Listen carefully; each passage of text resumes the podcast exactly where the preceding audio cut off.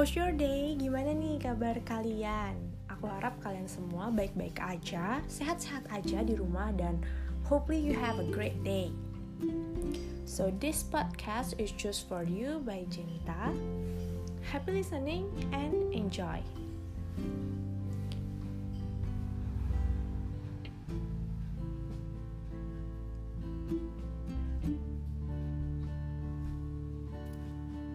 So today we're going to discuss something that's been highly requested.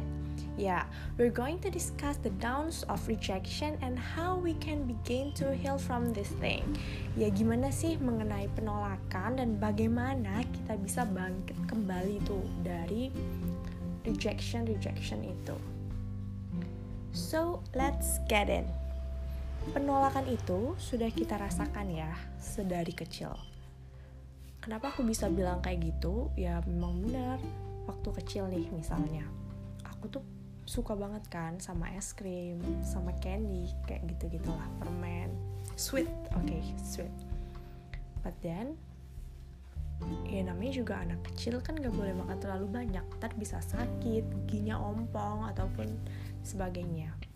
Dan orang tua kita pasti melarang kita So menurutku itu sebuah rejected sedari kecil dan kemudian namun seiring berjalannya waktu semakin dewasa masalah kita pun semakin kompleks. Some people can face it but some people don't. Bahkan ada yang malah semakin berlarut-larut di dalam rasa kekecewaan atau rasa ketakutan itu. Rasa takut dan kecewa terhadap penolakan dapat membuat sebagian orang enggan bertindak.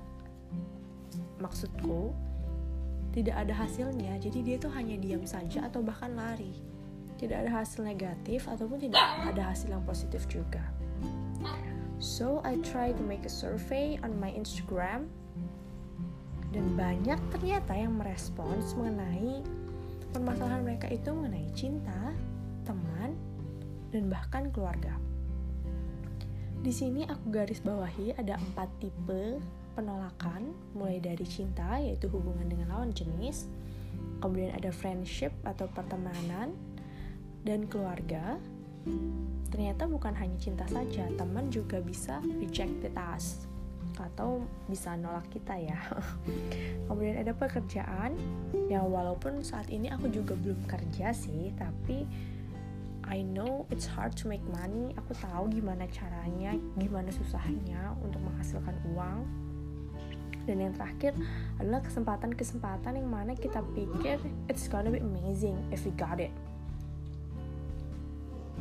Before we go to further with deep talking, so aku harus ngelurusin dulu kepada kalian. Aku ngomong, aku buat podcast kayak gini bukan semata-mata aku nggak pernah ngalamin rejection atau I never have been rejected. No, it's not like that.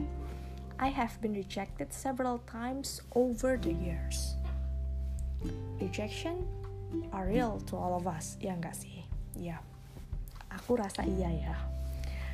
And no one has even succeeded dengan menghadapi sebuah rejection, even love's life.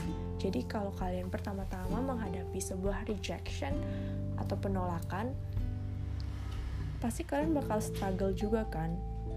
Kesusahan juga gitu, apalagi pertama-tama. And it's great to know bahwa semua orang itu pernah merasakan penolakan. Tapi kalian pernah ngerasa nggak bahwa jika kita diri kita sendiri nih yang ngerasain penolakan itu, it feels like we're alone in this world, ya nggak sih? Kamu ngerasa bahwa kamu tuh sendiri di dunia ini ke mana teman-teman yang katanya who will support you, family, kerabat, kayak gitu. Pasti kamu ngerasa bahwa gue tuh nerima rejected dan I'm alone in this world, gak ada yang bantu aku. I know it's hard, I know, I know it's hard. Lanjut soal penolakan, menurut buku yang aku baca, jadi penolakan itu terdiri dari beberapa jenis, mulai dari penolakan kecil hingga penolakan yang ekstrim. Gimana sih? So, kalau penolakan ekstrim, misalnya ya, kita ambil contoh mengenai cinta nih atau relationship. Misalnya, jika kalian itu ditolak terang-terangan nih dari pasangan atau gebetan kalian itu udah ekstrim sih menurut aku dan kemudian uh, yang kecilnya tuh misalnya kalian chat WA atau lain tuh cuman direct doang atau bahkan mungkin gak direct kan cuman tenggelam tenggelam aja gitu chatnya. I know mungkin ini uh, lebih banyak dialami oleh sebagian cowok bukan cewek. Karena biasanya kalau cewek itu bagian yang menolak bukan yang ditolak ya enggak sih? Ya gimana ya? Aku bukan bukan masalah apa tapi menurutku itu emang cewek emang kayak gitu ya nalurinya gitu ya dideketin cowok. And that's biasa.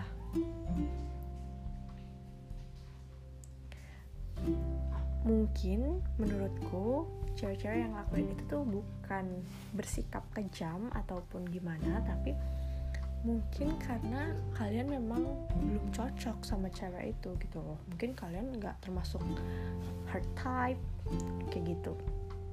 Dan bukan hanya itu bukan hanya masalah relationship bahwa friendship juga dapat seperti itu. Ya kan? Misal nih yang awalnya kalian tuh berteman baik sama dia deket banget. Udah sahabatan setiap hari main ke rumahnya atau enggak uh, dia main ke rumah kalian selalu pergi bareng nonton film bareng or do something together. Dan saat kalian sudah di satu sisi yang lebih dewasa misal dari SMA ke bangku kuliah dan kalian mungkin beberapa dari kalian mungkin banyak yang merantau kan? Dan udah merantau di sana kalian ngerasain bahwa ke mana teman-temanku? Ya nggak sih? Mereka bakal hilang gitu aja. But that's okay. Itu namanya fase kehidupan.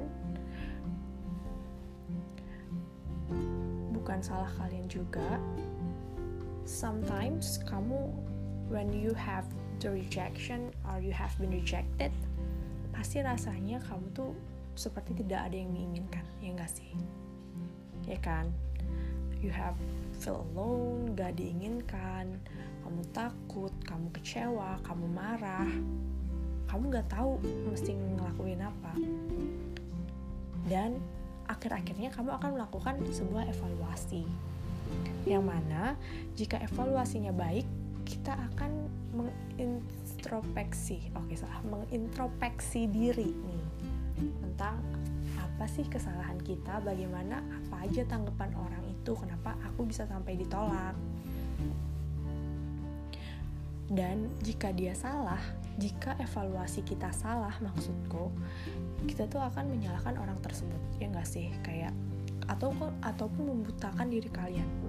Misal kalian nggak mau tahu atau nerima evaluasi diri kalian, kalian bahkan akan menyalahkan orang itu dan kalian akan benci orang itu ya kan? Sama seperti pekerjaan juga. Jika misalnya kita ditolak,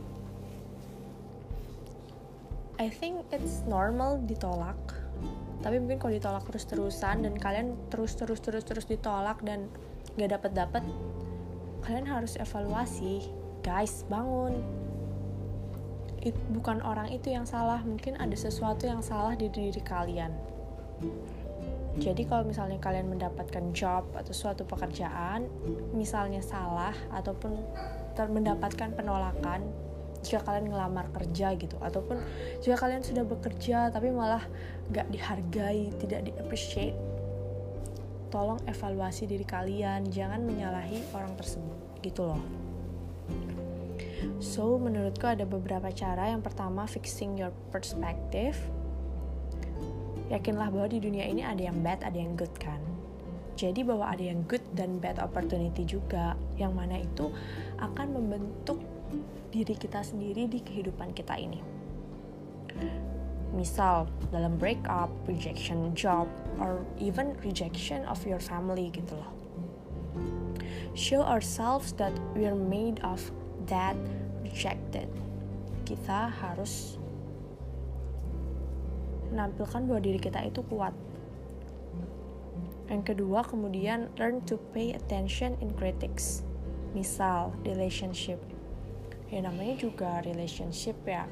gak mungkin kan sendiri bener-bener terus pasti kita juga harus menerima kritik dari pasangan kita you need to listen your pasangan gitu loh even though positif atau negatif it's just the same probability it's just the same probability you being good. Jadi begitu. Kemudian yang aku bilang tadi ada kesempatan kan? Jadi rejected by kesempatan yang mana kita pikir it's gonna be amazing. Misal misalnya aja kalian udah dapet kesempatan buat kalian menjadi lebih baik. Tapi ternyata kalian ditolak sama kesempatan itu. It's normal kalian gak perlu sedih apa kecewa.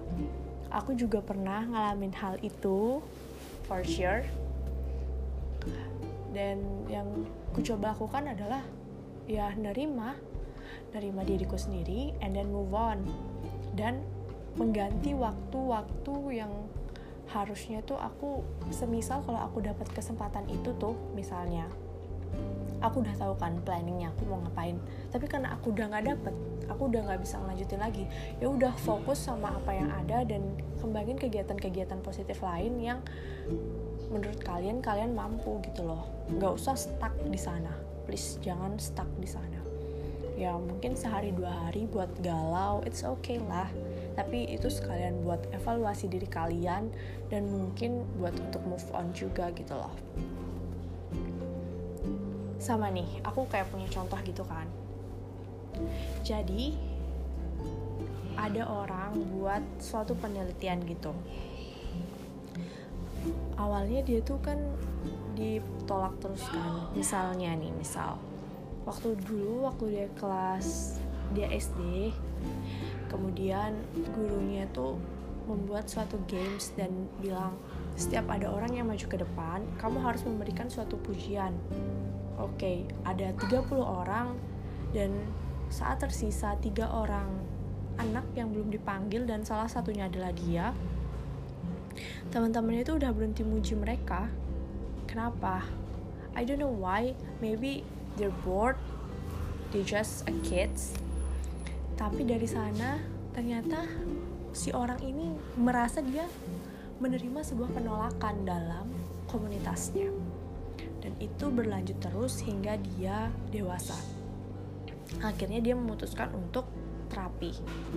Dan terapisnya bilang cobalah untuk kamu membuatkan beberapa rejected maksudnya kayak membuat pengalaman yang setiap hari kau harus merasa seperti ditolak. Akhirnya dia coba. Hari pertama dia coba buat minjem uang satu juta sama temennya ya pas dia nanya bro gue boleh pinjam uang lo nggak sejuta?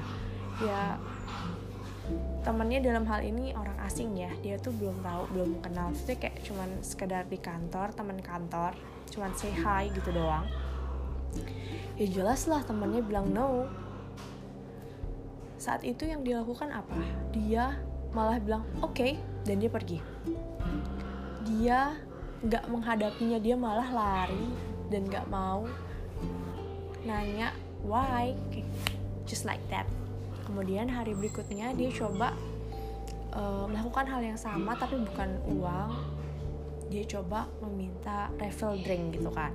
Yang mana kita tahu beberapa restoran uh, memberi refill drink tapi beberapa juga enggak kan. Ya udah dia nanya dia nanya bisa nggak aku buat eh aku minta refill drink dong kak? Ya kakaknya jadi barista bilang nggak bisa dong kan?